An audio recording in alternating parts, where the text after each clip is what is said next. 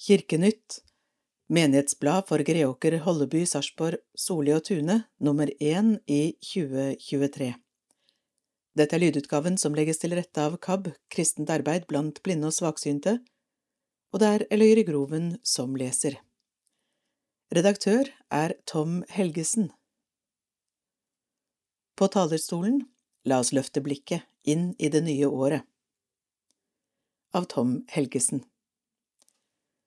Vi befinner oss i en tid hvor mediene daglig peprer oss med informasjon om hvor bedrøvelig alt er.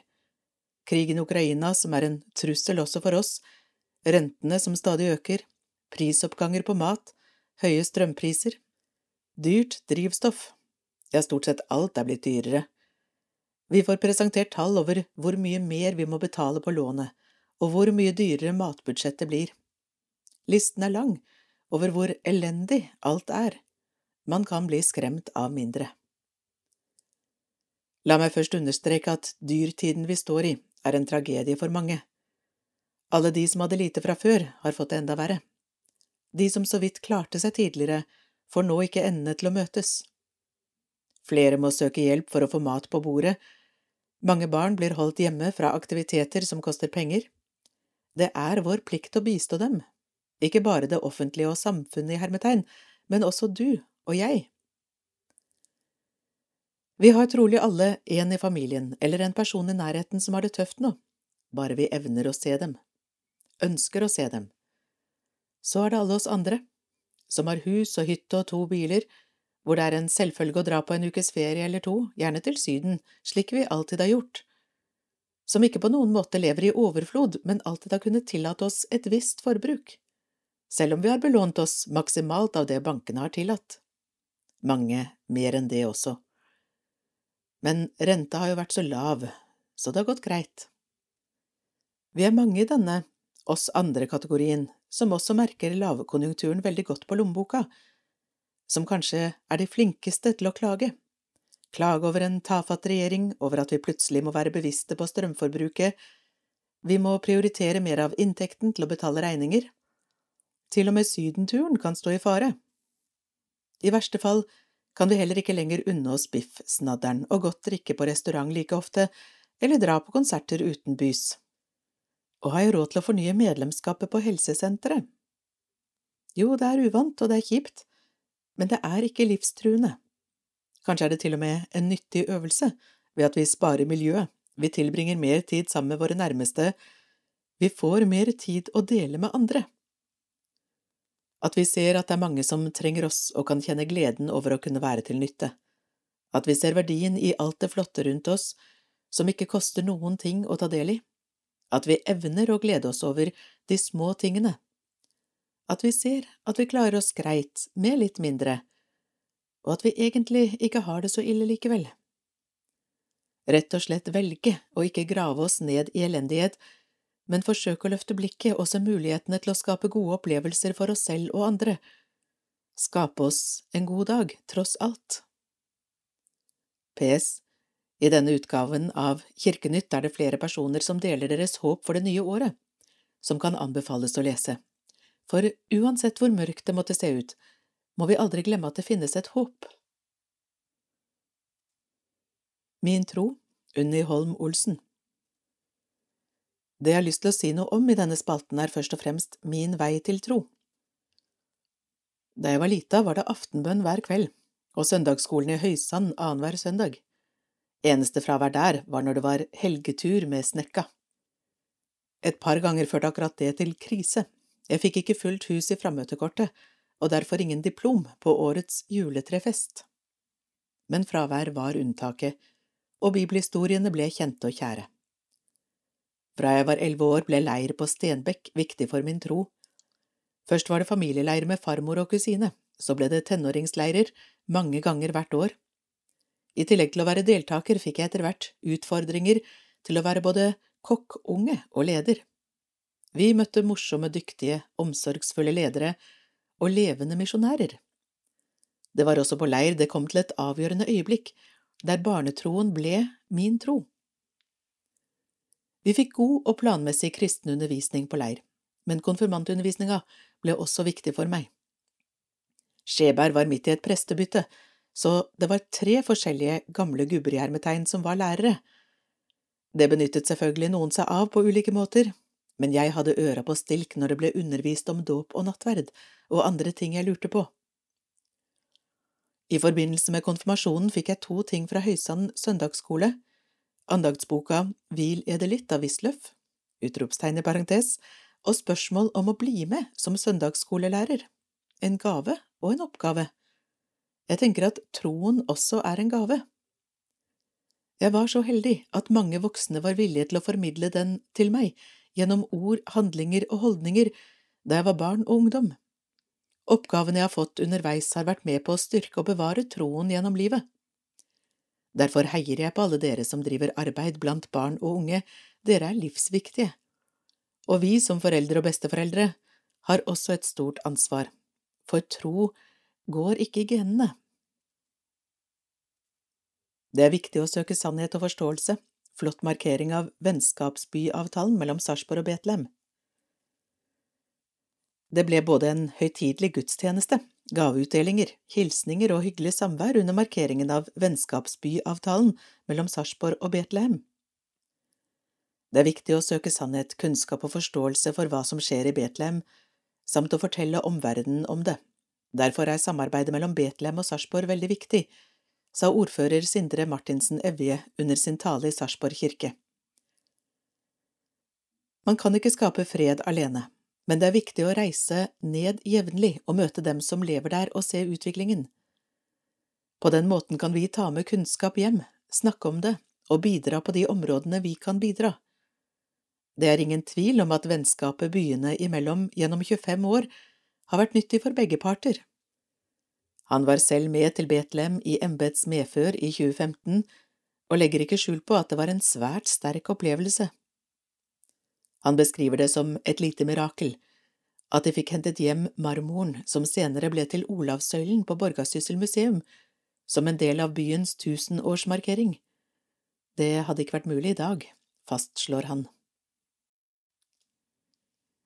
Kampen om sannhet Biskop Kari Mangerud Alsvåg påpekte i sin preken at kampen om sannheten føres daglig og intenst i vår tid. Vi skal være sannhetsvitner som bidrar til en sannere og helere fortelling om livet for palestinere i dag. Vi skal fortelle hva vi ser og hører, vi skal være med å kritisere staten Israel og dens ledere fordi de fortrenger palestinerne og bryter folkeretten ved å forskjellsbehandle sine egne innbyggere i så stor grad at mange beskriver Israel som en apartheidstat. Jeg tror mange av oss som har besøkt Betlehem, kan hente fram følelsen av å være annenrangs når vi har stått i kubåsene, voktet på av unge israelske soldater og ventet på å få krysse grensen. Vi forstår bitte litt av hva det er å være av feil folkeslag i en stat som forskjellsbehandler med loven i hånd. Samtidig må vi være renhårige i kritikken, understreket hun møtte skepsis på ordførerkontoret. Vennskapsbyavtalen ble signert på Borregaard hovedgård 16. mai 1997 av daværende Sarpsborg-ordfører Jan O. Engsmyr og Betlehems varaordfører George Harb. Men det var ingen selvfølge at avtalen skulle få politisk oppslutning, forteller han. Vi hadde da vennskapsbyavtaler med en rekke byer i utlandet, som ikke ble ivaretatt spesielt godt og i praksis fungerte dårlig men Lars Petter Aamodt hadde flere gode argumenter, da han med flere dukket opp på ordførerkontoret for å tale sin sak.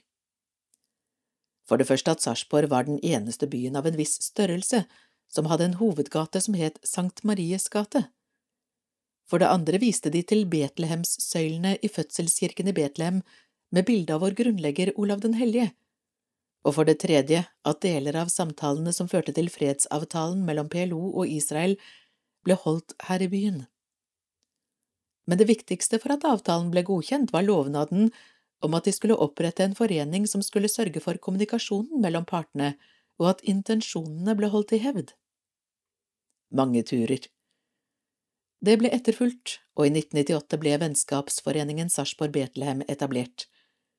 En av initiativtakerne og mangeårige styreleder, Fredrik Lid, kan fortelle at årets førjulstur til Betlehem var den trettende gangen, og at det i sum har vært med mellom 500 og 600 personer på turene.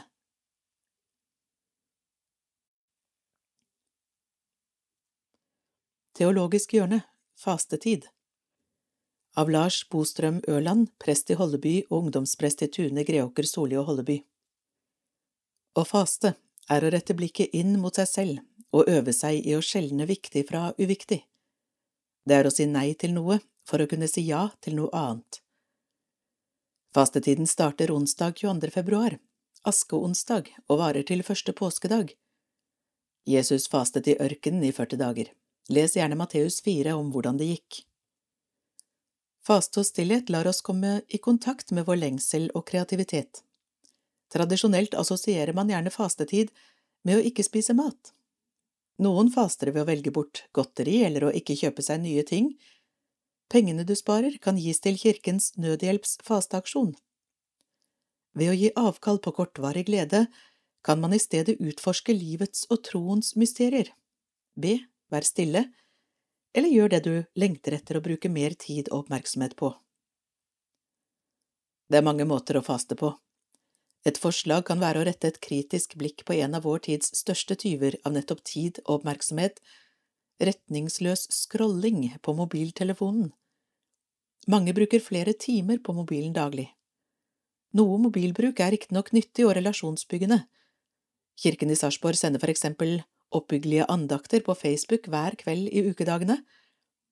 Den målløse mobilbruken derimot er sjelden berikende. Sosiale medier styres av algoritmer som manipulerer oss til å bruke mest mulig tid på telefonen. Jo lenger vi scroller, dess mer tjener eierne på oss. Oppmerksomheten vår selges til høystbydende. Ønsker du mer innsikt om temaet, foreslår jeg dokumentaren The Social Dilemma og Andreas Nydals bok Kakofonen. Paulus visste hva som var godt og rett, men gjorde stadig det motsatte. I Romerne 7,19 leser vi Det gode som jeg vil, gjør jeg ikke, men det onde som jeg ikke vil, det gjør jeg. Selvopptatthet og umiddelbar tilfredsstillelse er altså mer fristende enn å gjøre det vi vet er klokt og godt på lang sikt. Det er opp til deg hva du gjør ut av fastetiden. Du kan for eksempel velge bort retningsløs telefonbruk og bruke tiden og oppmerksomheten din på noe du egentlig lengter etter.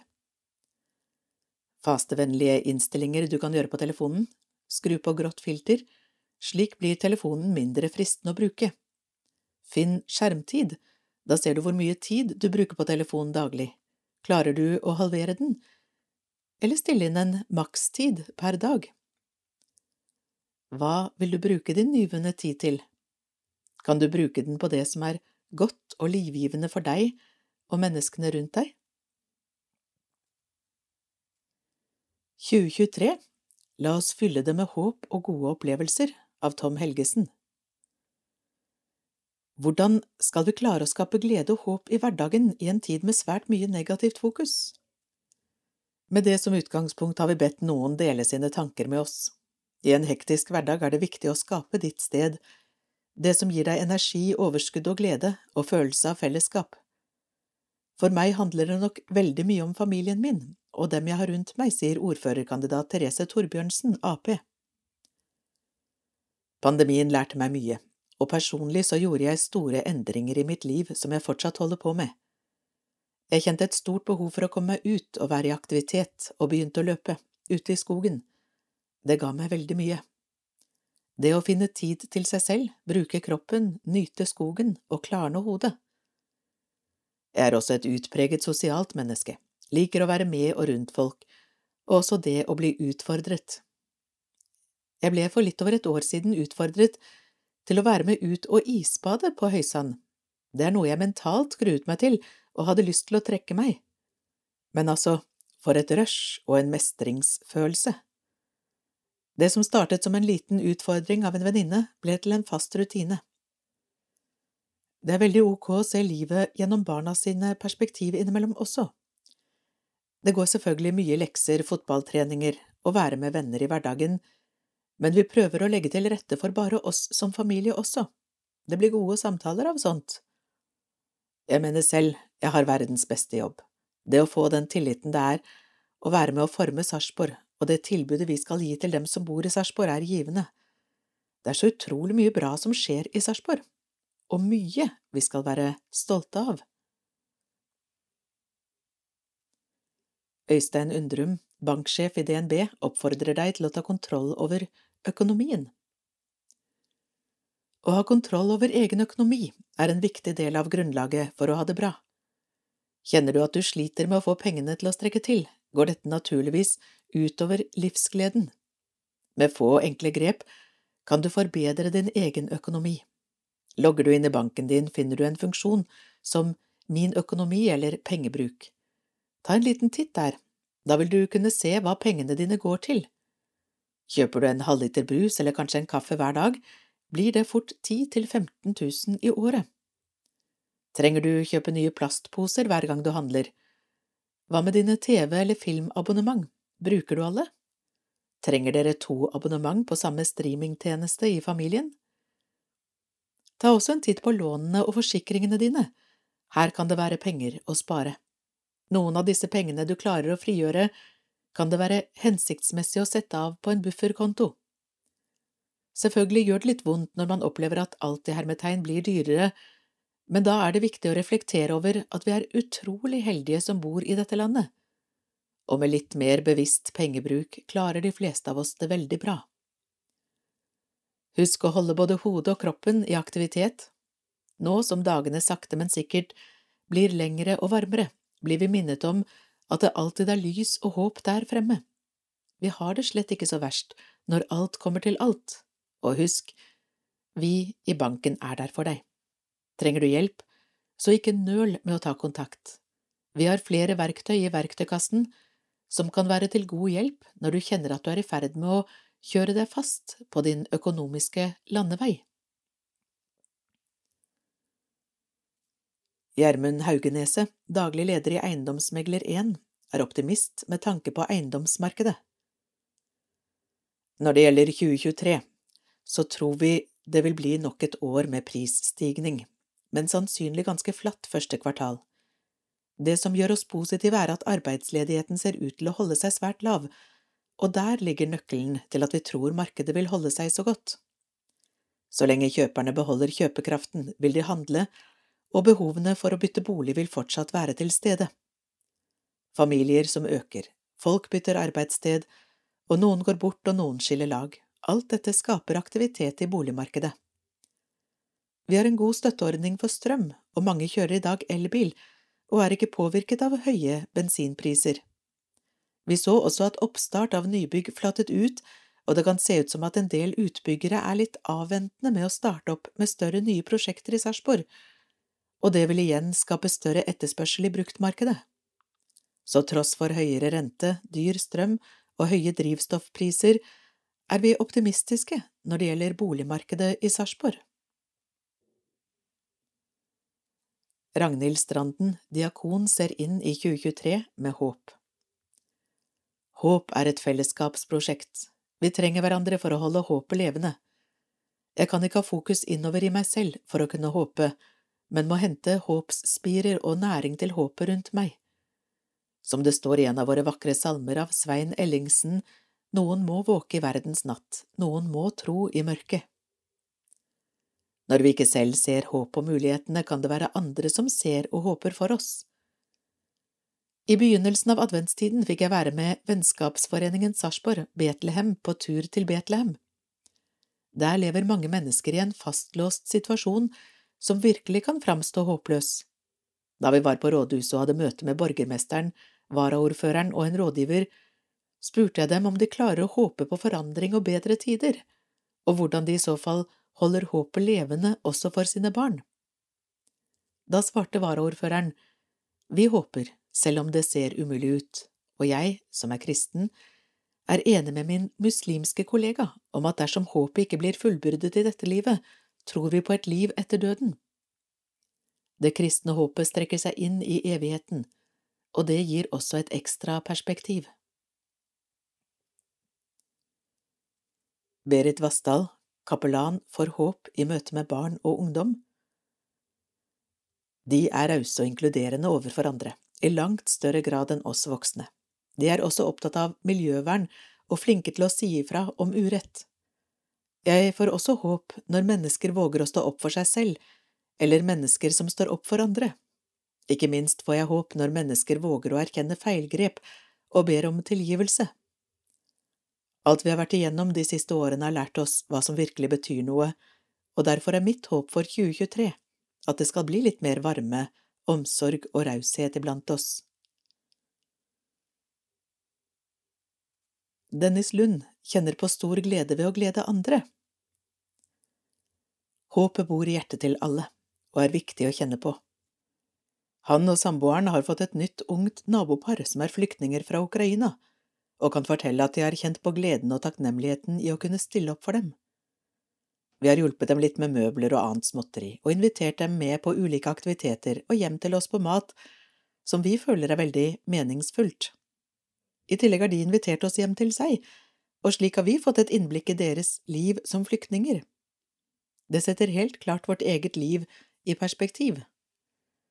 Selv om vi også har fått kjenne på at det er trange tider, men vi har det likevel utrolig godt sammenlignet med mange andre. Mitt håp for 2023 er at vi alle er bevisste på å se dem rundt oss og eventuelt bidra til at de får en god opplevelse.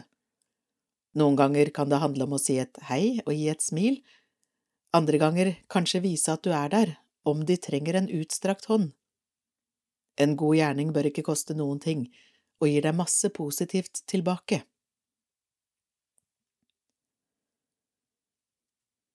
Takk for den fantastiske støtten og omsorgen vi har fått av menigheten. Russlands krigføring mot Ukraina tvang Olesia Keke, ektemannen og datteren til å forlate alt og flykte fra deres hjem i Donetsk-regionen. Kanskje var det Gud som ledet oss nettopp hit til Sarpsborg, sier hun til Kirkenytt. Etter at de hadde tatt seg over grensen til Polen i mars i fjor, ble de spurt om hvor de ønsket å dra. Norge, svarte de nærmeste i kor. Vi hadde begge inntrykk av at Norge var et trygt og godt land, men vi hadde ikke tatt noen felles beslutning om at det var hit vi ville. For oss handlet det først og fremst om å sikre vår datter en god framtid, forteller hun. Etter å ha blitt stasjonert på flere ulike steder i landet ankom den lille familien Sarpsborg 5. juli i fjor og ble bosatt på Sandbakken. En ny by, uten en eneste bekjent, ingen familie, ingen venner, ingen nettverk. En tur i kirkeparken en sommerdag skulle imidlertid endre mye. Ble møtt med gjestfrihet. Da kirkeklokkene startet å ringe, forsto vi at det var åpen kirke denne dagen, og tok en tur innom for å kikke. I kirken var Ellen og Trond Kaspo kirkevakter, og også diakon Ragnhild Stranden hadde tatt turen innom til middagsbønn. Ragnhild forteller videre, det var strålende vær, og jeg hadde tenkt at det hadde vært fint å kunne invitere noen hjem i hagen på en kaffekopp. Jeg hadde merket meg den ukjente vesle familien i kirkerommet, men før jeg fikk kontaktet dem, var de borte. Da Ellen fortalte at de var flyktninger fra Ukraina, ble jeg enda mer ergerlig over at jeg ikke hadde fått pratet med dem. Olesias mann hadde imidlertid glemt capsen i kirken og måtte en snartur tilbake for å hente den. Det var nok til at Ragnhild fikk presentert seg og formidlet sin gjestfrihet. Han ringte da sin kone og datter, og snart satt vi hjemme hos oss og pratet og hygget oss. At Olesias mann opprinnelig er fra Nigeria, og min mann har sin opprinnelse i Kongo, bidro nok til at vi raskt fikk veldig god kontakt. Fikk et nettverk. Slik ble den lille familien fra Ukraina introdusert for Sarpsborg menighet, som tok dem imot med åpne armer, og som bidro til å åpne noen dører for dem. Siden har de vært en naturlig del av menighetslivet.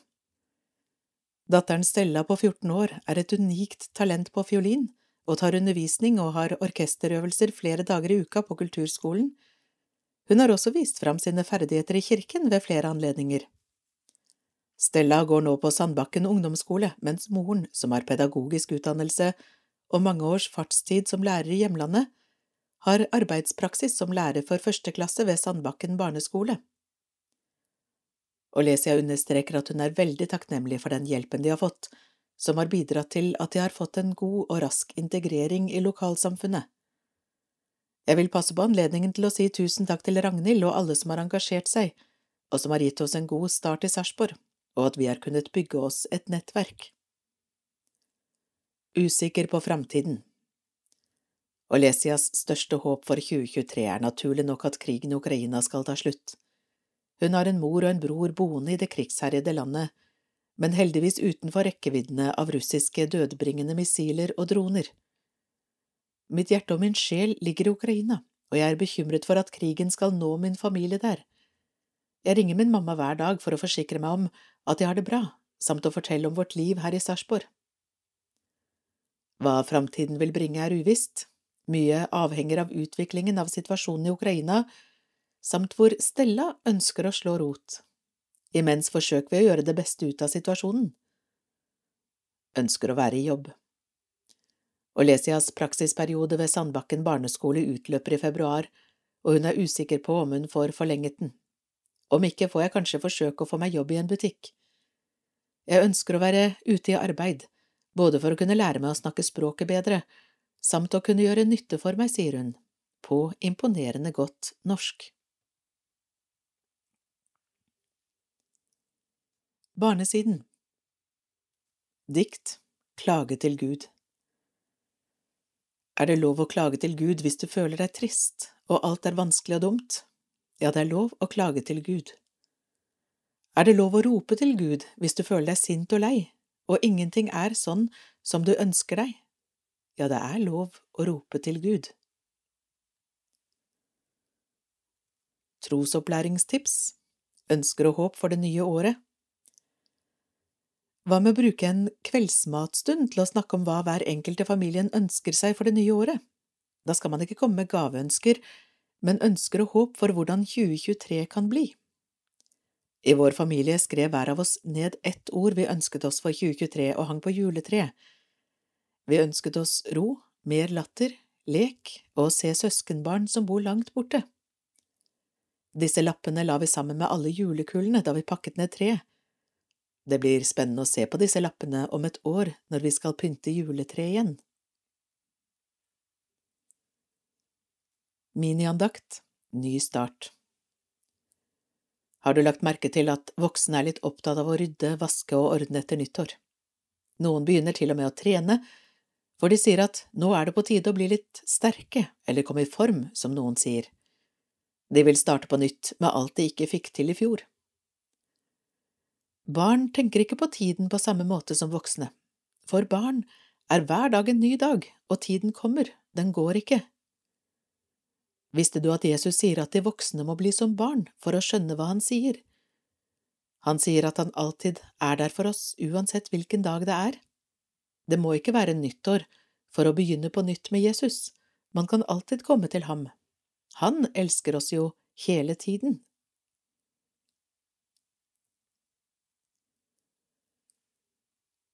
På plakaten Aktiviteter for barn Null til ett år, babysang, Tune kirke torsdager klokken 11.30, Sarpsborg kirke torsdager klokken 11. Sang og kos for babyer og far eller mor, kirken.no Tune påmelding kirken.no Sarpsborg påmelding. Tune Henrik Brusevold 402 38 802 Sarpsborg Karl Andreas Næss 922 17 505 Ett til fire år småbarnssang Greåker kirke onsdager klokken 17.15 til 18.30 Sang for de minste barna sammen med en eller flere voksne. Info kirken.no skråstrek Greåker påmelding. Marianne Ervum 92081 285 ett til fem år barnesang. Sarpsborg kirke onsdager klokken 17.30 til 18 og 18 til 18.45 Sang, rim, regler og ulik rytme. Sunniva Berg er kursholder. Info kirken.no skråstrek Sarpsborg påmelding. Eileen Stang 413 75 771 Fire til seks år barnesang Greåker kirke onsdager 17.15 til 18.30 for barn som liker å synge, fra fire år til skolealder Deretter kan man starte i barnekoret. Henrik Brusevold 402 38 802 Fire til tolv år barneklubb. Melleby Fredagsskolen annenhver fredag klokken 17 Barneklubb for deg som bor i Solli og omegn Ann Karin Aarvik 9488 3841 Femte til sjuende trinn Happy Place. Hannestad bedehus annenhver tirsdag i oddetallsuker klokken 18 til 20 Startet opp 17. januar Berit Vassdal 995 07 866 Fem til tolv år kirkerotteklubb Greåker kirke 13. i første, 6. i andre og 13. i andre klokka 16.30 til 18 Påmelding kirken.no skråstrek Greåker Håvard Ø. Løvik 977 64 791 Åtte til ni år Tårnagenter Tune kirke 18. og 19. mars Påmelding kirken.no skråstrek Tune åpner i mars Håvard Ø. Løvik 977 64 791 Første til fjerde trinn Excel-klubben. Underetasjen i Kulandkirken tirsdager klokken 17.30 til 19 Klubben for deg som går i første til fjerde klasse. Vi har en samling, ulike aktiviteter og kveldsmat. Inger Marie S. Hagen 9710 2106 Ti til elleve år Lys våken. Greåker kirke 28. januar Lys våken Håvard Ø. Løvik 9776 4791 Tolv pluss pikekor Tune kirke onsdager 17 til 1845 For deg som liker å synge fra tolv år og oppover Henrik Brusevold 402 38 802 Femte til åttende trinn XXL-klubben Underetasjen i Kulandkirken. Mandag 18 til 20 Klubb med matlaging, biljard, airhockey, fotballspill, bordtennis, hobbyaktiviteter, switch, formidling og kveldsmat. Inger Marie S. Hagen, 9710 2106 Barneklubber, Gjelsnes misjonshus, onsdager i oddetallsuker klokken 17, Lysglimt barnelag, Barneforening for de aller minste, Hege Jørgensen, 970 17 612 På plakaten Aktiviteter for ungdom 10 til 15 år Fredagsklubben Gjelsnes misjonshus en fredag i måneden klokken 19 til 22 3. februar 17. mars Margaret Olseng 915 26 672 13 pluss The Place Hannestad bedehus ungdomsklubb onsdager klokken 18 til 20.30 1. februar 15. februar 1. mars 15. mars 29. mars Lars Ørland 926 42 810 14 år, konfirmasjon 2022–2023, Sarpsborg menighet, påmelding fortsatt mulig, oppstart januar 2023, kirken.no Sarpsborg, Eileen Stang 413 75 771. 14 år, konfirmasjon 2023–24, Greåker, Holleby, Soli og Tune menigheter, påmelding åpner i slutten av april, kirken.no Sarpsborg, vest, Kristin Tollefsen 47 75 25 05 14 pluss Klubb Inside Underetasjen i Kulandkirken Ungdomsklubb torsdag klokken 18 til 22 Eileen Stang 413 75 771 14 pluss KRIK Gymsalen på Kalnes videregående skole Idrett, andakt og glede. Annenhver fredag klokken 19 til 21 Kristin Tollefsen 477 52 505 15 pluss Lock-in Superland, invitasjon i posten til 06 og 07, Julie Karstensen, 916 33 352. Alle ungdommer, ungdomsgudstjeneste 26. mars klokken 18 i Greåker kirke, Lars Ørland, 926 42 810.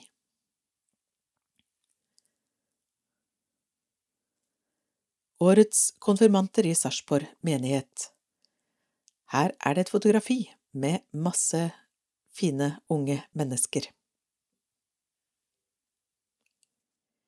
Inviterer til aktivitetsnatt, endelig klart for lock-in på badeland igjen, av Tom Helgesen. Fredag 10. februar skjer det. Alle ungdommer i tiende klasse og førsteåret på videregående skole inviteres til en hel natt med aktiviteter på Superland og badeland på Quality Hotel Sarpsborg.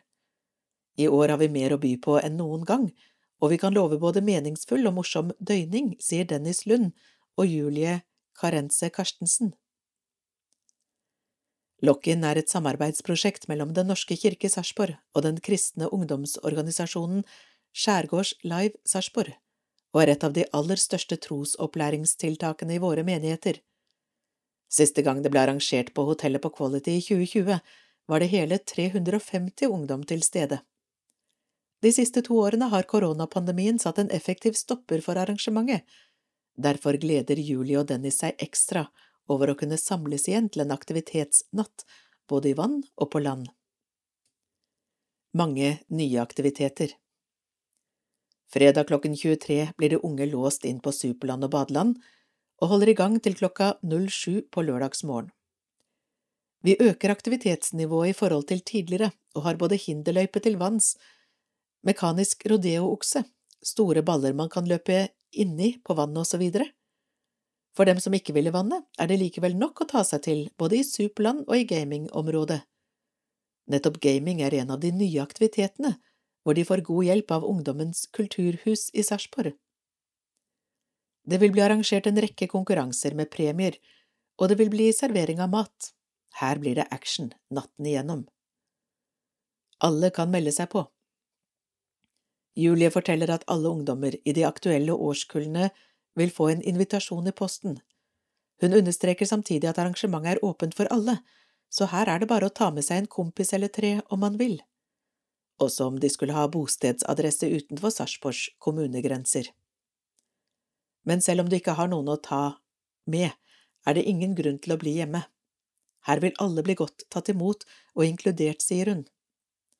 Prisen er satt til 250 kroner, alt inkludert, det vil si at her får man mye gøy for pengene.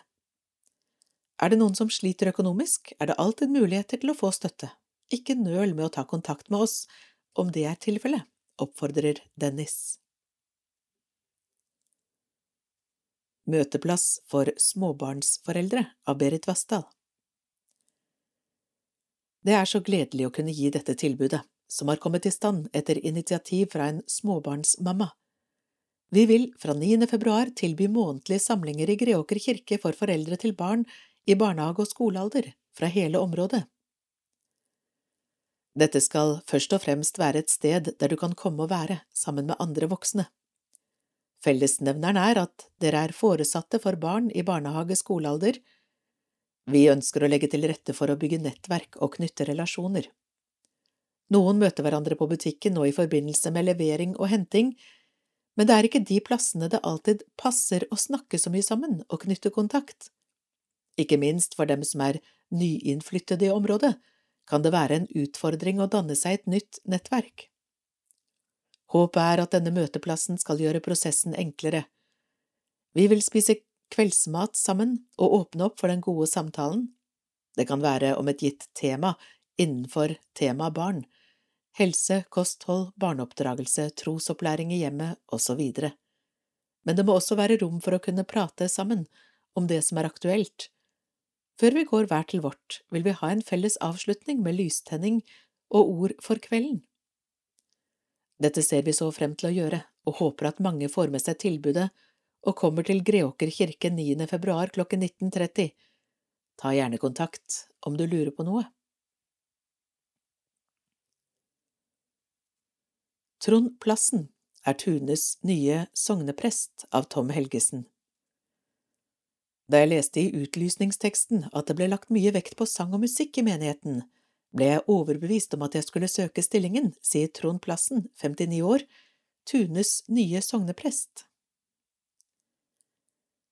Trond overtar etter Lisbeth Gregersen og tiltrår stillingen 13. mars, mens innsettelsesgudstjenesten finner sted 26. mars, han kommer fra tilsvarende stilling i Gamle Glemmen, hvor han har tjenestegjort siden våren 2017. Ble ordinert til prest i 1989. Trond vokste opp i Halden og hadde tidlig planer om å studere tekstilfag i England, og med det trå i sin fars fotspor i yrkeslivet. Men på bibelskolen i Oslo etter videregående ble han introdusert for teologien, og bestemte seg for å studere på Menighetsfakultetet. I 1989 ble han ordinert til prest i Emanuelskirke i Halden av daværende biskop i Borg, Gunnar Lislerud. Han tjenestegjorde som feltprest under militærtjenesten. Deretter har han hatt en rekke ulike lederstillinger i Indremisjon Nordmisjon.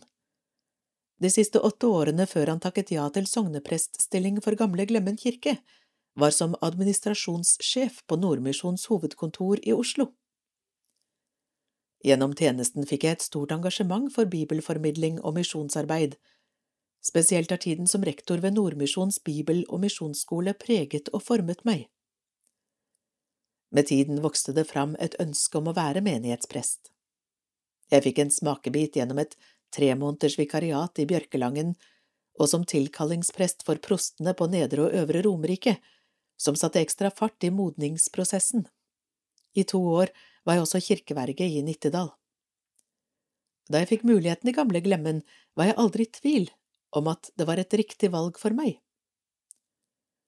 Flytter til Tinnlund Trond og hans kone har vært bosatt i Fredrikstad siden 2013, men da drømmeleiligheten dukket opp i et prospekt over siste byggetrinn i Tinnlund park, bestemte de seg for å slå til. Innflytning blir en gang før sommeren, forteller han. Etter mange år med en forholdsvis stor enebolig og en eiendom som krever jevnlig vedlikehold, ønsket vi en enklere boform. Det var tilfeldig at vi fant akkurat den leiligheten vi ønsket oss på Tinnlund, og det var først da jeg ble klar over den ledige stillingen i Tune at tanken på en jobb i samme kommune tok form. Jeg tok en prat med Lisbeth, som bare hadde gode ord å si om kirken, ansatte og menigheten, og som sagt, at sangen og musikken står sterkt her, trigget meg ekstra til å søke. Sangen har alltid vært en viktig del av meg, og en flott måte å formidle på, dette ser jeg veldig fram til løfte fram Bibelens hovedbudskap. På spørsmålet om hva Tune menighet får med Trond Plassen som prest, svarer han slik. Den får en prest som er positiv og glad i mennesker, og som det er enkelt å møte. Jeg er glad i å holde prekener om Jesus og brenner etter å kunne åpne døren for dem som søker det kristne budskapet. Det er fantastisk å se at så mange mennesker opplever at kirken er viktig, det være seg om det er en tradisjon for dem eller på grunn av det kristne budskapet. Jeg synes det også er svært givende og rørende både å møte foreldre som bringer sine barn til dåp, og bli invitert hjem til folk i sørgesamtaler. Jeg stortrives også med å besøke gamle i institusjoner, hvor jeg gjerne har med gitaren og synger og spiller sammen med dem. Det er utrolig hva sangen kan oppnå i møte med våre eldre, sier han, og viser til NRK TVs aktuelle serie Demenskoret som et godt eksempel.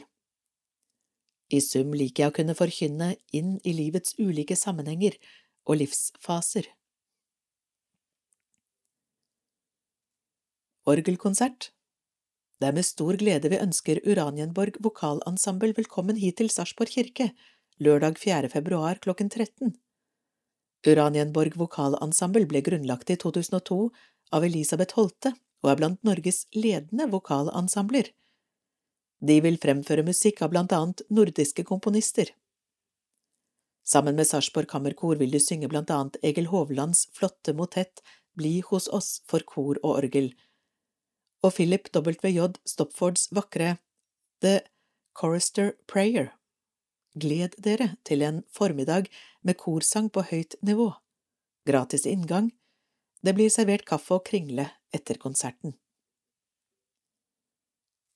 Konsert med orgel og kor, Uranienborg vokalensemble og Sarpsborg Kammerkor, Elisabeth Holte og Karl Andreas Næss, dirigenter, Dan René Dahl, orgel. Lørdag 4. februar klokken 13, Sarpsborg kirke, fri inngang. Drop-innvielse, 3.3.23, en dato å huske. Vi gjentar fjorårets suksess, hvor sju par ble viet i Sarpsborg kirke, og inviterer til drop-innvielse fredag 3.3.2023. Kirken vil ordne med alle praktiske ting rundt vielsen, unntatt utfylling av papirer. Det vil si at vi pynter kirken, lager et program for vielsen, ordner med musikk og salmer og forestår selve vielsen. Hvorfor drop-in-vielse? Vi vet at mange kan ha et ønske om å gifte seg, men vegrer seg fordi man er redd for utgiftene knyttet til dette, eller fordi mange tenker at det blir mye planlegging og styr som man egentlig ikke ønsker seg. Her gis man en mulighet til å få dette ordnet på en enkel og samtidig høytidelig og fin måte. Vi har satt av dagen fra elleve og utover for vielsen, og det blir enkeltseremonier for hvert par. Selv om vielsen kan være enkel, tilrettelegger vi også slik dere som par ønsker og det blir en samtale i forkant av hver vielse for å planlegge litt. Det dere som par trenger å gjøre selv, er å fylle ut de formelle papirene i god tid før vielsesdagen, senest tre til fire uker før. For å fylle ut papirene trenger man også forlovere. Dersom forloverne ikke har anledning til å møte i kirken 3. mars, kan disse erstattes av vitner, som kirken kan være behjelpelig med om ønskelig. Påmelding Dersom du ønsker å delta på dette, meld deg på til menighetskontoret 407 01 700 eller på sarpsborg.menighet.kirken.no. Her kan du også komme med ønsker for klokkeslett. For å finne papirer som må fylles ut, så finnes de på skatteetaten.no.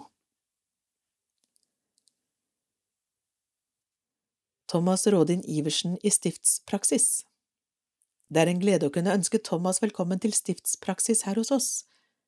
Fra 27. februar og i fem uker skal han ha praksis i Sarpsborg menighet før han til sommeren blir uteksaminert fra MF og er klar til å ta fatt på presteyrket. Stiftspraksis er den siste praksisperioden i studiet. Studentene skal gjøre vanlig prestetjeneste under veiledning. Formålet med stiftspraksis er å få prøve seg som prest så tett opp til prestehverdagen som mulig, gjøre seg erfaringer og få reflektere over praksis. Thomas kommer fra Greåker og har vært aktiv i ungdomsarbeidet her hos oss i en årrekke. Han har sittet flere år i Borg ungdomsråd og ble i høst valgt som ny leder for Den norske kirkes ungdomsutvalg på nasjonalt nivå. Han har også markert seg kirkepolitisk på kirkemøtet. I fjor sommer var han sommervikar her i vårt prosti. Vi håper han får fine, interessante og meningsfulle uker. Søndagsskole I Sarpsborg kirke er det mange barnefamilier og nå har det startet opp et fint samarbeid med Sarpsborg frikirke. Frikirken har allerede en søndagsskole, og vi kan få gå ned og delta på denne. Frikirken har flotte lokaler ikke langt fra oss. Oppstart var 15. januar, med mange fornøyde barn og foreldre. Oppmøtet er i Sarpsborg kirke, og rett etter gudstjenestestart klokken elleve går familiene samlet ned til Frikirken. Når det er mulig, kommer de opp igjen til nattverden i Sarpsborg kirke. Datoer fremover er 29. januar, 12. februar, 12. mars og 26. mars. Ved spørsmål ta gjerne kontakt med Helene på bs732 at kirken.no.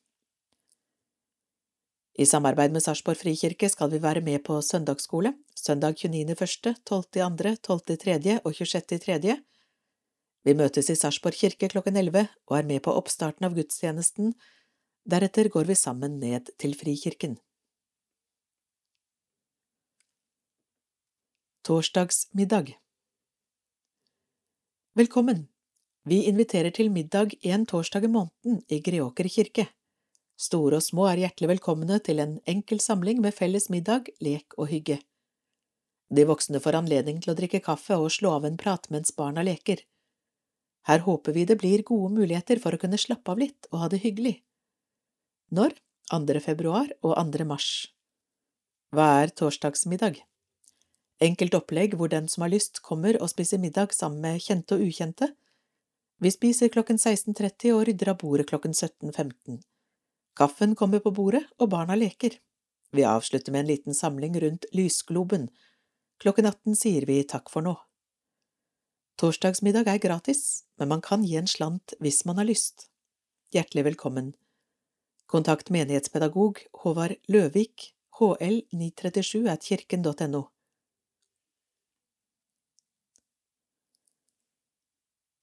samlinger i Greåker, Soli, Tune og Holleby menigheter. Lande bosenter Formiddagstreff første torsdag i måneden fra klokken 11 til 13, torsdag 2. februar klokken 11. Dagens gjest er Terje Berg, musikk og andakt. Torsdag 2. mars klokken 11. Dagens gjest er Dagfinn Ravneng, andakt, sang og musikk. Greåker kirkemusikkafé Fellesskap med mye sang, musikk og god bevertning. Her er personer med bistandsbehov spesielt velkommen. Lørdag 25. februar klokken tolv, koret Ekko deltar. Lørdag 25. mars klokken tolv, besøk av Maria Lorentzen Spydevold og Marianne Ervum, sang og andakt. Melleby grendehus, stedet å treffe sambygdinger til en god prat over en kopp kaffe, siste torsdagen i måneden fra klokken tolv til 14. Bevertning og utlodning. Trenger du skyss, ring kirkekontoret dagen før telefon 407 01 700, pris kroner 40. Torsdag 23. andre klokken tolv besøk av Mona Bø i Kirkens Nødhjelp, pianist Kjersti Jostem. Torsdag 30. tredje klokken tolv besøk av Terje Berg, sang og musikk og andakt. Møteplassen Tune kirke. Dette er et internasjonalt treffsted for hele familien. Vi møtes på tvers av kultur og religion, vi snakker norsk, bygger nettverk og spiser middag sammen, gratis. Tirsdag 14. februar klokken 17 til 19, tirsdag 14. mars klokken 17 til 19. Brunsjen i Tune kirke Treffstedet for deg over 60. Kafeteria, liturgisk avslutning. Første onsdag i måneden klokken 11.30 til 13. Onsdag 1. februar klokken 11.30 Leve hele livet. Besøk av Marianne Syverstad, koordinator for friskliv, læring og mestring. Onsdag 1. mars klokken 11.30 besøk av historiker Per E. Lund, historisk vandring gjennom Kalnesskogen. Andakt Eplehagen bofellesskap 15. februar og 8. mars klokken 11 Hannestatuene dagsenter 2. februar, 16. februar, 2. mars, 16. mars klokken 10.30 Tingvoll sykehjem 2. februar, 16. februar, 2. mars, 16. mars klokken 11.30 Valaskjold omsorgssenter 9. februar, 23. februar, 9. mars, 23. mars klokken 11.30 Lande bedehus Februar Søndag 5. februar klokken 18 Møte Andakt ved Gerd Dalmann Johansen Sang Kaffe etter møte Tirsdag 7. februar klokken 11 NMS misjonsmøte Gunvor Ninni Nilsen deltar Fredag 10. februar klokken 18 Sangkveld med mye sang og musikk av hyttemusikken fra Trømborg, bevertning og utlodning. Onsdag 15. februar klokken 11 Formiddagstreff, andakt ved Ester Andreassen og sang av Betlehem Musikkforening. Formiddagsmat, utlodning. Onsdag 22. februar klokken 18 Hyggeaften, andakt ved Olav Pedersen. Sang ved Glenne Musikkforening fra Halden, kveldsmat, utlodning. Mars Søndag 5. mars klokken 18 Møte Andakt ved Bo Johannes Hermansen. Sang, kaffe etter møte. Tirsdag 7. mars klokken 11 NMS misjonsmøte. Fredag 10. mars klokken 18 sangkveld med sanger av Åge Samuelsen ved Dagfinn, Kent og Yngvar, bevertning og utlodning. Onsdag 15. mars klokken 11 Formiddagstreff, andakt, sang ved Svindal Musikkforening, formiddagsmat, utlodning. Onsdag 22. mars klokken 18 Hyggeaften, andakt ved Øyvind Aske, sang ved Gladsang fra Halden, kveldsmat, utlodning. Greåker kirke, velkommen til samtalekveld i kirkestua. Torsdager klokken 19 til 21, 2. februar, 2. mars, 13. april og 4. mai. Vi møtes i kirkestua til et enkelt kveldsmåltid og en samtale over en åpen bibel. Vi ønsker en åpen samtale om det som berører troen og livet. Her er ingen tanker for små eller store, det er plass for tro, tvil og undring. Sogneprest Petter Johannessen deltar i samtalen. Bønnesamlinger Greåker kirkestue, fredager klokken elleve. Vi spiser lunsj i etterkant av samlingen, ta med matpakke. Samlinger i Sarpsborg menighet Sykehjemsandakter Kirken er til stede på institusjonene våre med andakter og andre arrangement. På Kruseløkka og Kuland sykehjem er det andakt annenhver torsdag klokken elleve, normalt i partallsuker, på Kuland bofellesskap tilsvarende i oddetallsuker. Det er samtalegrupper på Karl Johans gate og på Kruseløkka sykehjem en gang hver måned, og like ofte har vi kirkens hyggestund i Tranes gate bofellesskap. Det er presten og diakonen som har ansvar for dette i samarbeid med frivillige, pianister med flere. Om noen har ønske om samtale, ta gjerne kontakt med oss på kirkekontoret. Formiddagstreff Kulandkirken Vi samles andre tirsdag i måneden klokken 11.30 til 13.30 til fellesskap, foredrag, formiddagsmat, loddsalg, sang og andakt. Februar 14. februar Hilde Torp, Myanmar eller Burma Et vakkert land, et kjempende folk mars, 14. mars, Dagfinn Ravneng, Skjeberg kirke i Amerika. Sarpsborg kirke Velkommen til tekstgjennomganger i Sarpsborg kirke på torsdager. Vi går gjennom søndagens tekster sammen, og en av prestene er med. Samlingene varer fra klokken 13.30 til 14.30 med kaffe og enkel bevertning. Vårens datoer 16. februar, 16. mars, 20. april, 25. mai og 15. juni.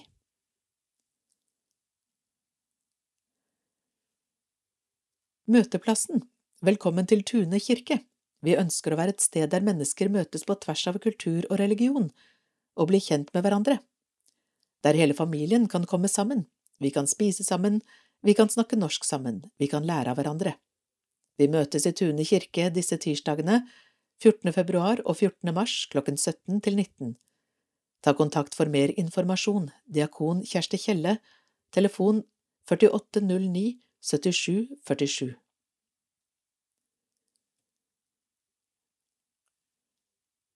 Kirkemiddag Bor du i sentrum eller i nærheten? Spiser du ofte alene?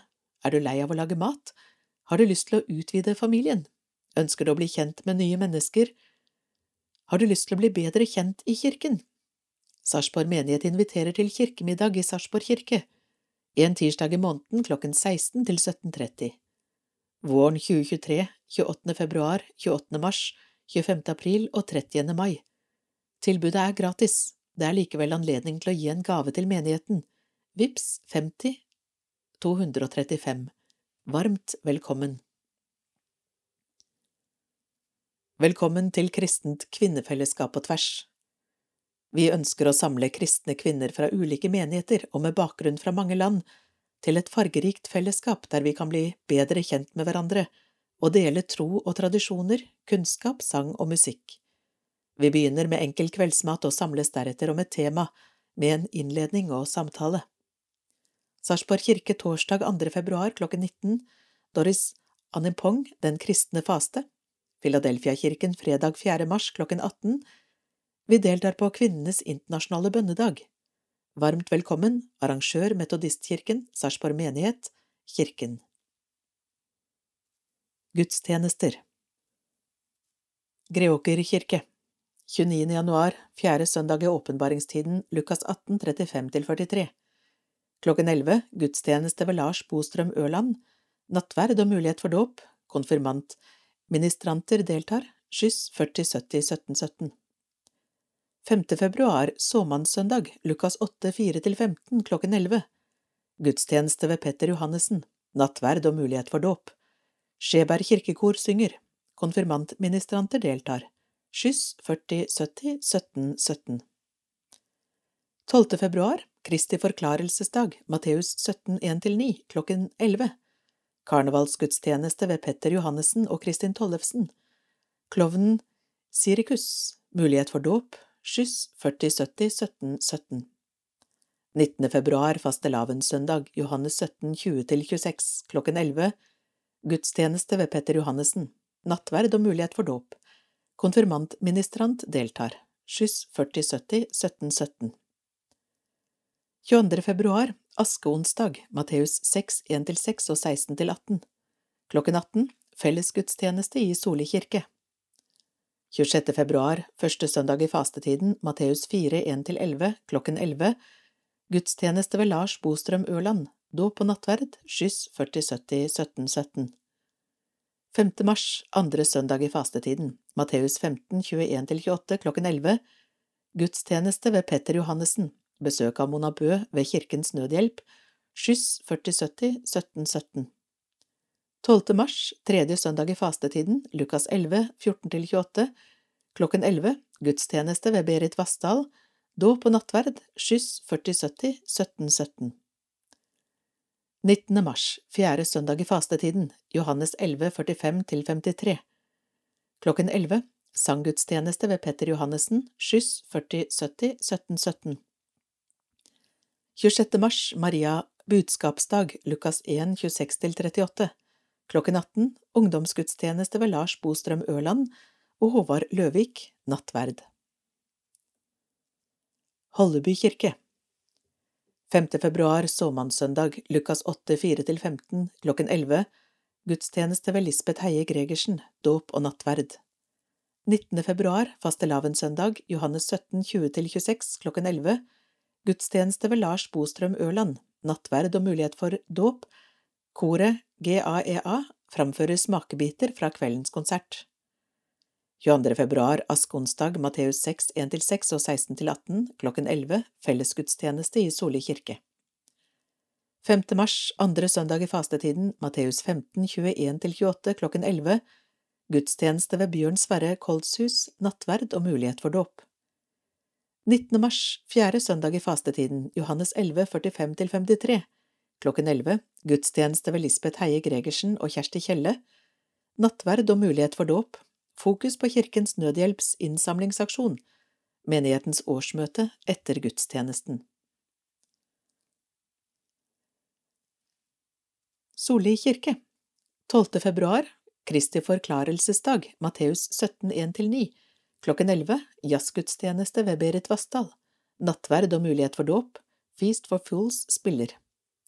22. februar, askeonsdag, Matteus 6, 1–6 og 16–18, klokken 11, fellesgudstjeneste ved Berit Vassdal og Tore Bjørnstad, nattverd. 26. februar, første søndag i fastetiden, Matteus 4, 1–11, klokken 11, gudstjeneste ved Berit Vassdal og Tore Bjørnstad, nattverd og mulighet for dåp. 12. mars, tredje søndag i fastetiden, Lukas 11, 14–28, klokken 11, gudstjeneste ved Bjørn Sverre Kolshus, nattverd og mulighet for dåp. Besøk av Mona Bø fra Kirkens Nødhjelp. Sarpsborg Messingkvintett spiller. 26. mars, Maria budskapsdag, Lukas 1, 26–38. Klokken 11, gudstjeneste ved Berit Vassdal og Tore Bjørnstad. Nattverd og mulighet for dåp. Menighetens årsmøte etter gudstjenesten. Tune kirke 29. januar, fjerde søndag i åpenbaringstiden, Lukas 18, 35–43, klokken 11. Gudstjeneste ved vikar. Mulighet for dåp. Knut Lande. Sang. Skyss 401 68 460. 5. februar, såmannssøndag, Lukas 8, 4–15. Klokken 11. Gudstjeneste ved Berit Vassdal. Dåp. Elin Minge Ødegård. Sang.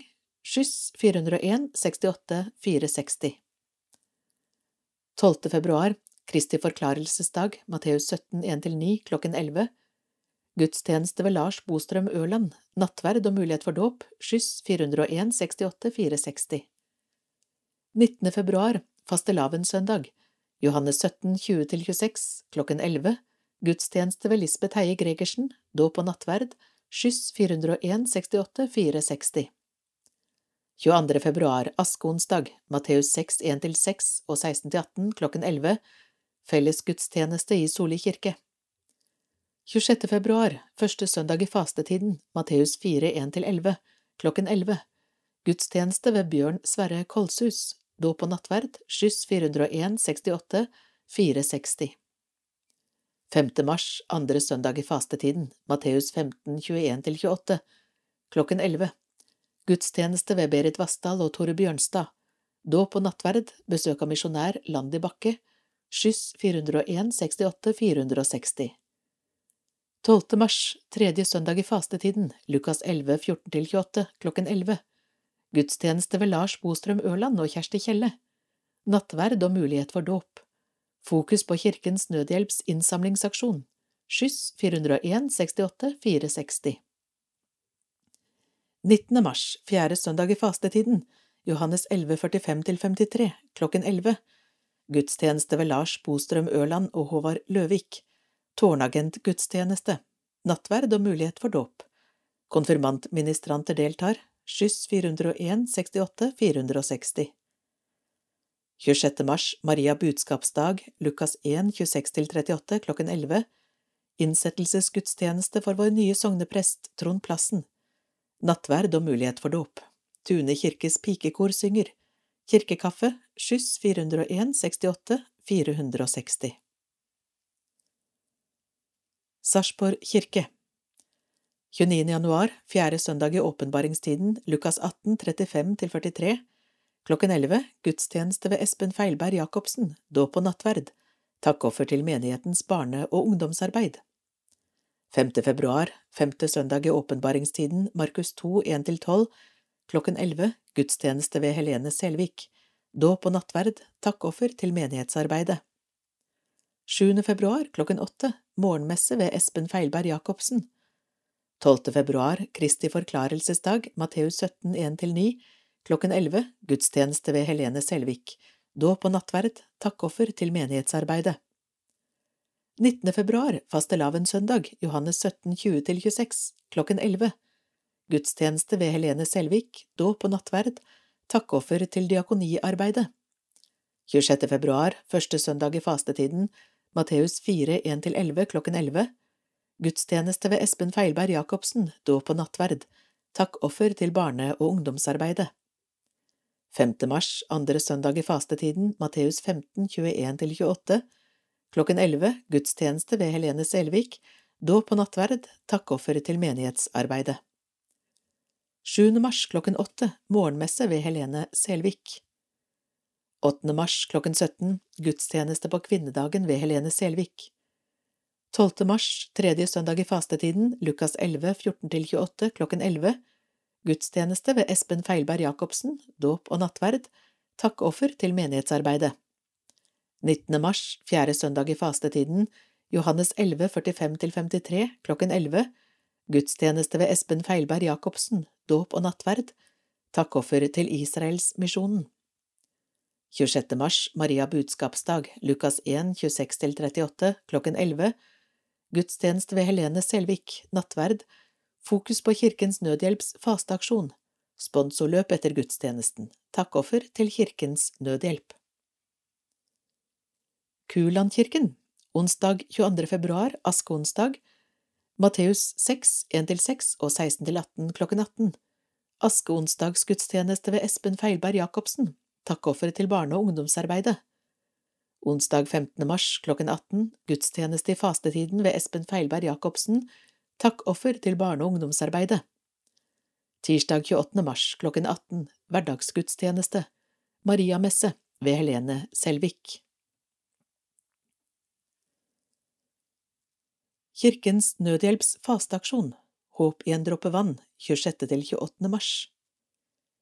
Sammen med kirkene i Norge jobber Kirkens Nødhjelp med akutt bistand i katastrofer og med langsiktige prosjekter for å redusere nød og fattigdom i verden.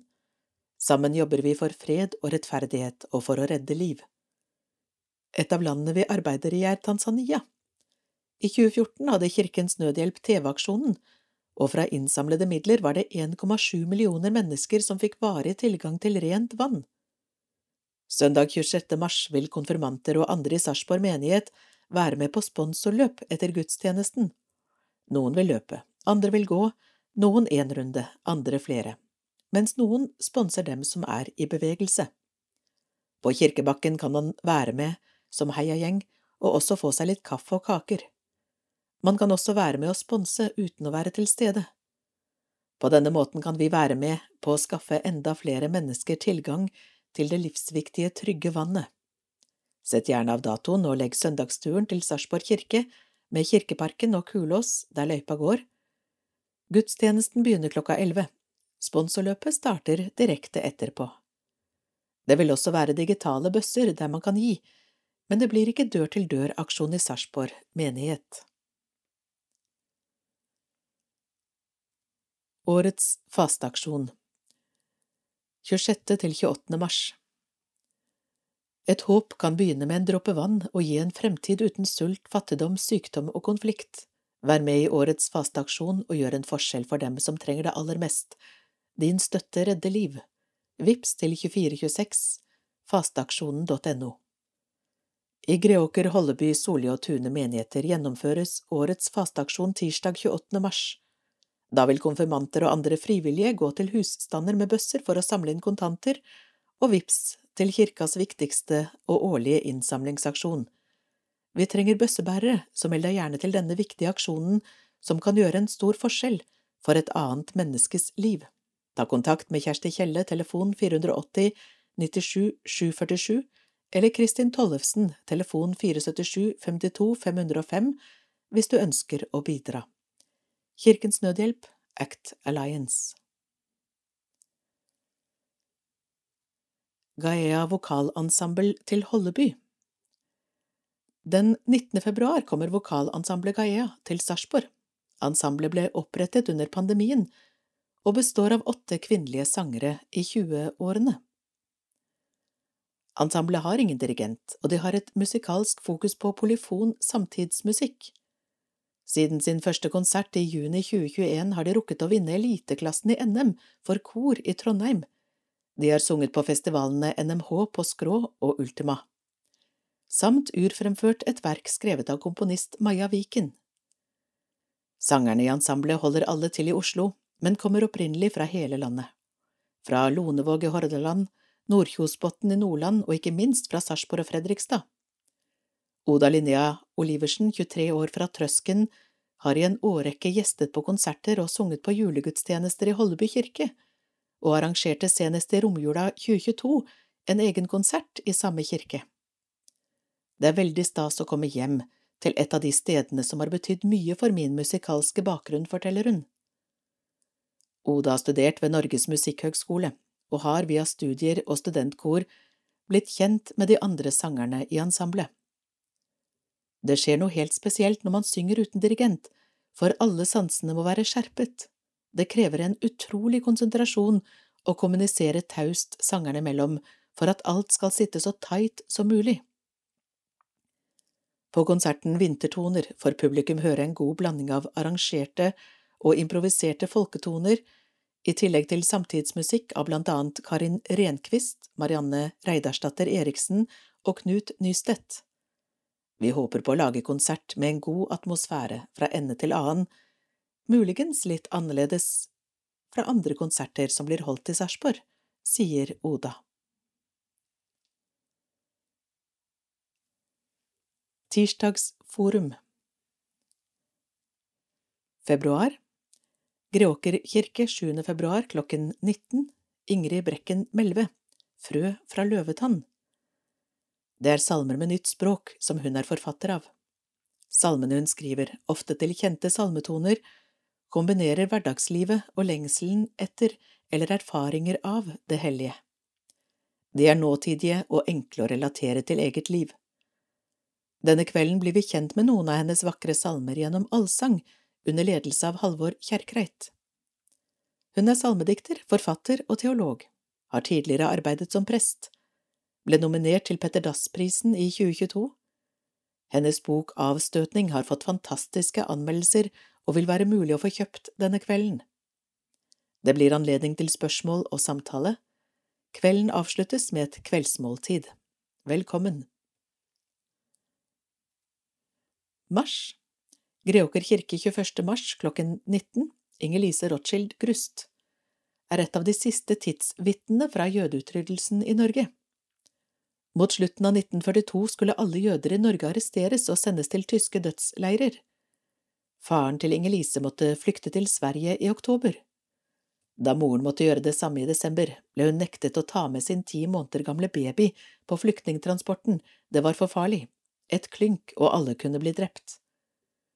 Moren var nødt til å stole på at noen ville ta vare på lille Inger-Lise.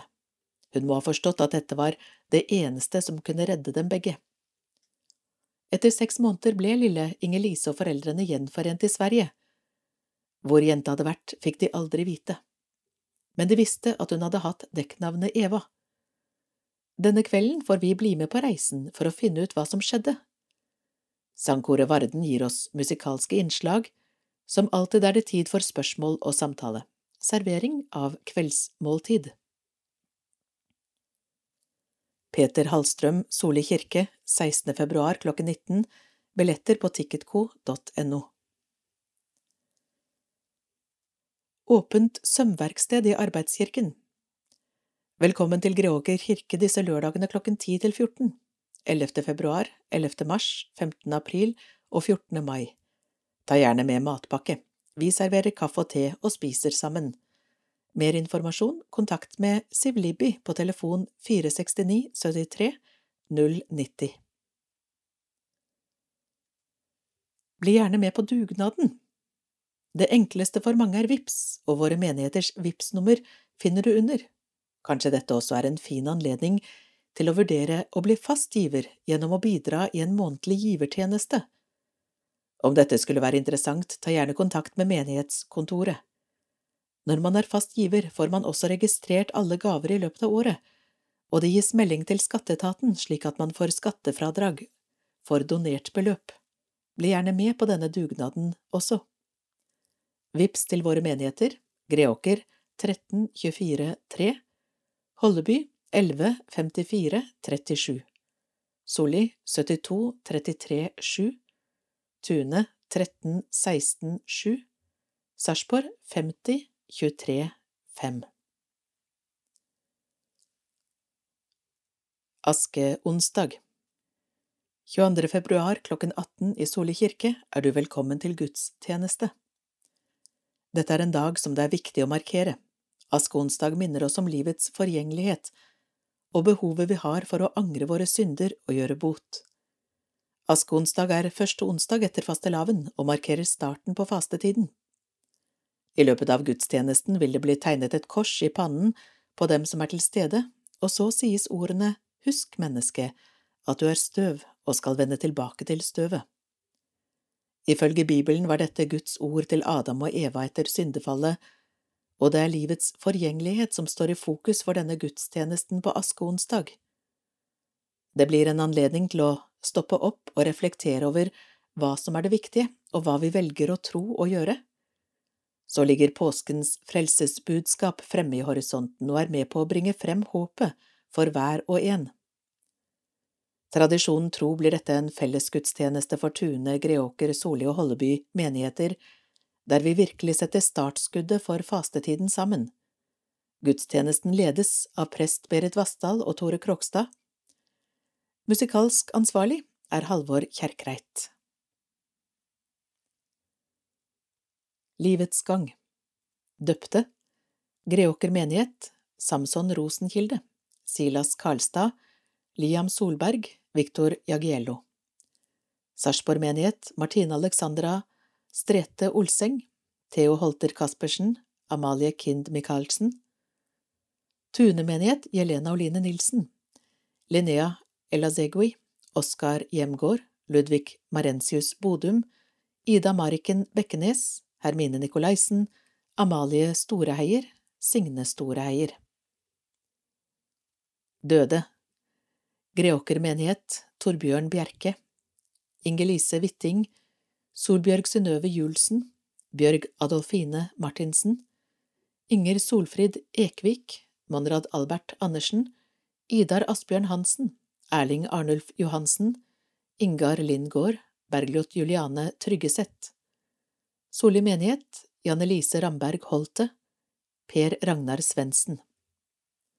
Tune menighet, Anne Marie Syversen, Jan Erik Syversen, Bjørg Bjørnstad Nilsen, Dag Anders Lien, Josipa Maria Birkitz, Olav Kåre Lien, Sonja Mabel Winther, Åge Hansen, Erik Just Hansen. Sarpsborg menighet, Odd Andreas Abrahamsen, Kari Solveig Eriksen, Ranveig Wilhelmsen, Miriam Sørby, Jan Roger Bergstrøm, Karin Helene Bjørnemyr, Ulla Hansen, Liv Margit Johannessen, Torbjørg Rå Brustad, Jan Edmund Olsen, Frøydis Prestegård, Tor Auli, Liv Blikstad, Gudveig Lind, Anne Helene Nilsen, Berit Rudi, Kat Ragnhild Magnestad, Thomas Bjerk Tøgersen, Christer Simensen, Cezari Kalbarsik Andersen, Toril Synnøve Martiniussen, Oddvar Skjørberg, Gerd Charlotte Halvorsrød, Tore Pettersen, Eva Johan Næss, Ole Morten Mortensen, Jørgen Nilsen, Oddmund Johannes Olsen.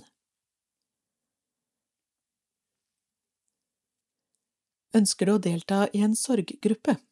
Sorg og omsorg i Sarpsborg har som formål å gi et tilbud til mennesker i sorg og spre informasjon og kunnskap omkring sorg og sorgarbeid. Vi kan tilby sorggrupper ved dødsfall, temakvelder om sorg og livskriser, og vi kan tilrettelegge for individuell oppfølging. Vi har ulike sorggrupper for barn, ungdom, foreldre, voksne eller eldre som har mistet nære pårørende. De som er med, opplever at det er mye støtte og hjelp å hente i det å komme sammen for å dele tanker og erfaringer med andre i samme situasjon. Det er ca. fem til sju deltakere og to gruppeledere i hver gruppe og det er ca. ti samlinger i løpet av et år. Har du spørsmål eller ønsker du å delta?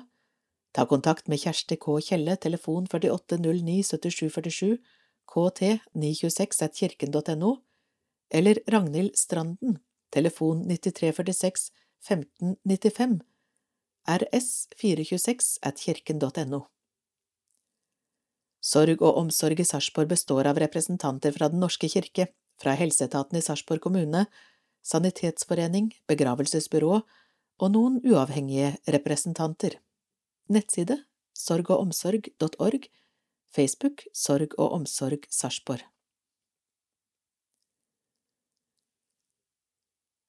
Stor oppslutning om juletrefestene. Kirkene holder en viktig tradisjon i hevd. Av Tom Helgesen så rekker jeg deg nå med glede min hånd. Kom, skynd deg og gi meg den annen. Så knytter vi kjærlighets hellige bånd og lover at elske hinan. Etter å ha blitt formant om å holde avstand i flere år, er det ekstra stas å kunne holde hender igjen. Derfor var smilene bredere og sanggleden større enn noen gang under juletregangen i våre kirker på nyåret. Å gå rundt juletreet og holde hender og synge og jul med din glede er jo en liten andakt i seg selv. Dette er en viktig tradisjon, sier sogneprest Petter Johannessen. Også diakon Kjersti Kjelle gledet seg stort sammen med de frammøtte da Greåker menighet arrangerte juletrefest på nyåret. Nå har det ikke vært mulig å arrangere juletrefester de siste årene, men også før pandemien så vi en trend om at det blir arrangert stadig færre juletrefester i samfunnet. Tidligere var det en selvfølge at de store bedriftene og lag og foreninger inviterte til juletrefest i januar, slik er det ikke lenger. Derfor er det viktig at kirken viderefører denne tradisjonen. I tillegg til at juletrefestene er hyggelige samlinger, videreføres på denne måten også mange av våre kjente og kjære julesalmer, legger hun til. Rekordoppslutning på juletrefesten i Kurlandkirken var det rundt hundre frammøtte. At det var trangt rundt juletreet, gjorde bare at den gode stemningen og volumet på Et barn er født i Betlehem og Deilig er jorden steg ytterligere. Ekstra hyggelig var det å registrere alle de ivrige barna som tok aktivt del både under juletregangen og sogneprest Helene Selviks formidling om de tre vise menn. Vise menn, som for øvrig ble levendegjort av Pål Antonsen Anders Hjelmark og Inger Marie Syverstad Hagen. Med den gode oppslutningen kan de trygt konkludere med at kirken gjør en viktig jobb med å videreføre de tradisjonelle juletrefestene. Kirkenytt nummer én i 2023 slutt.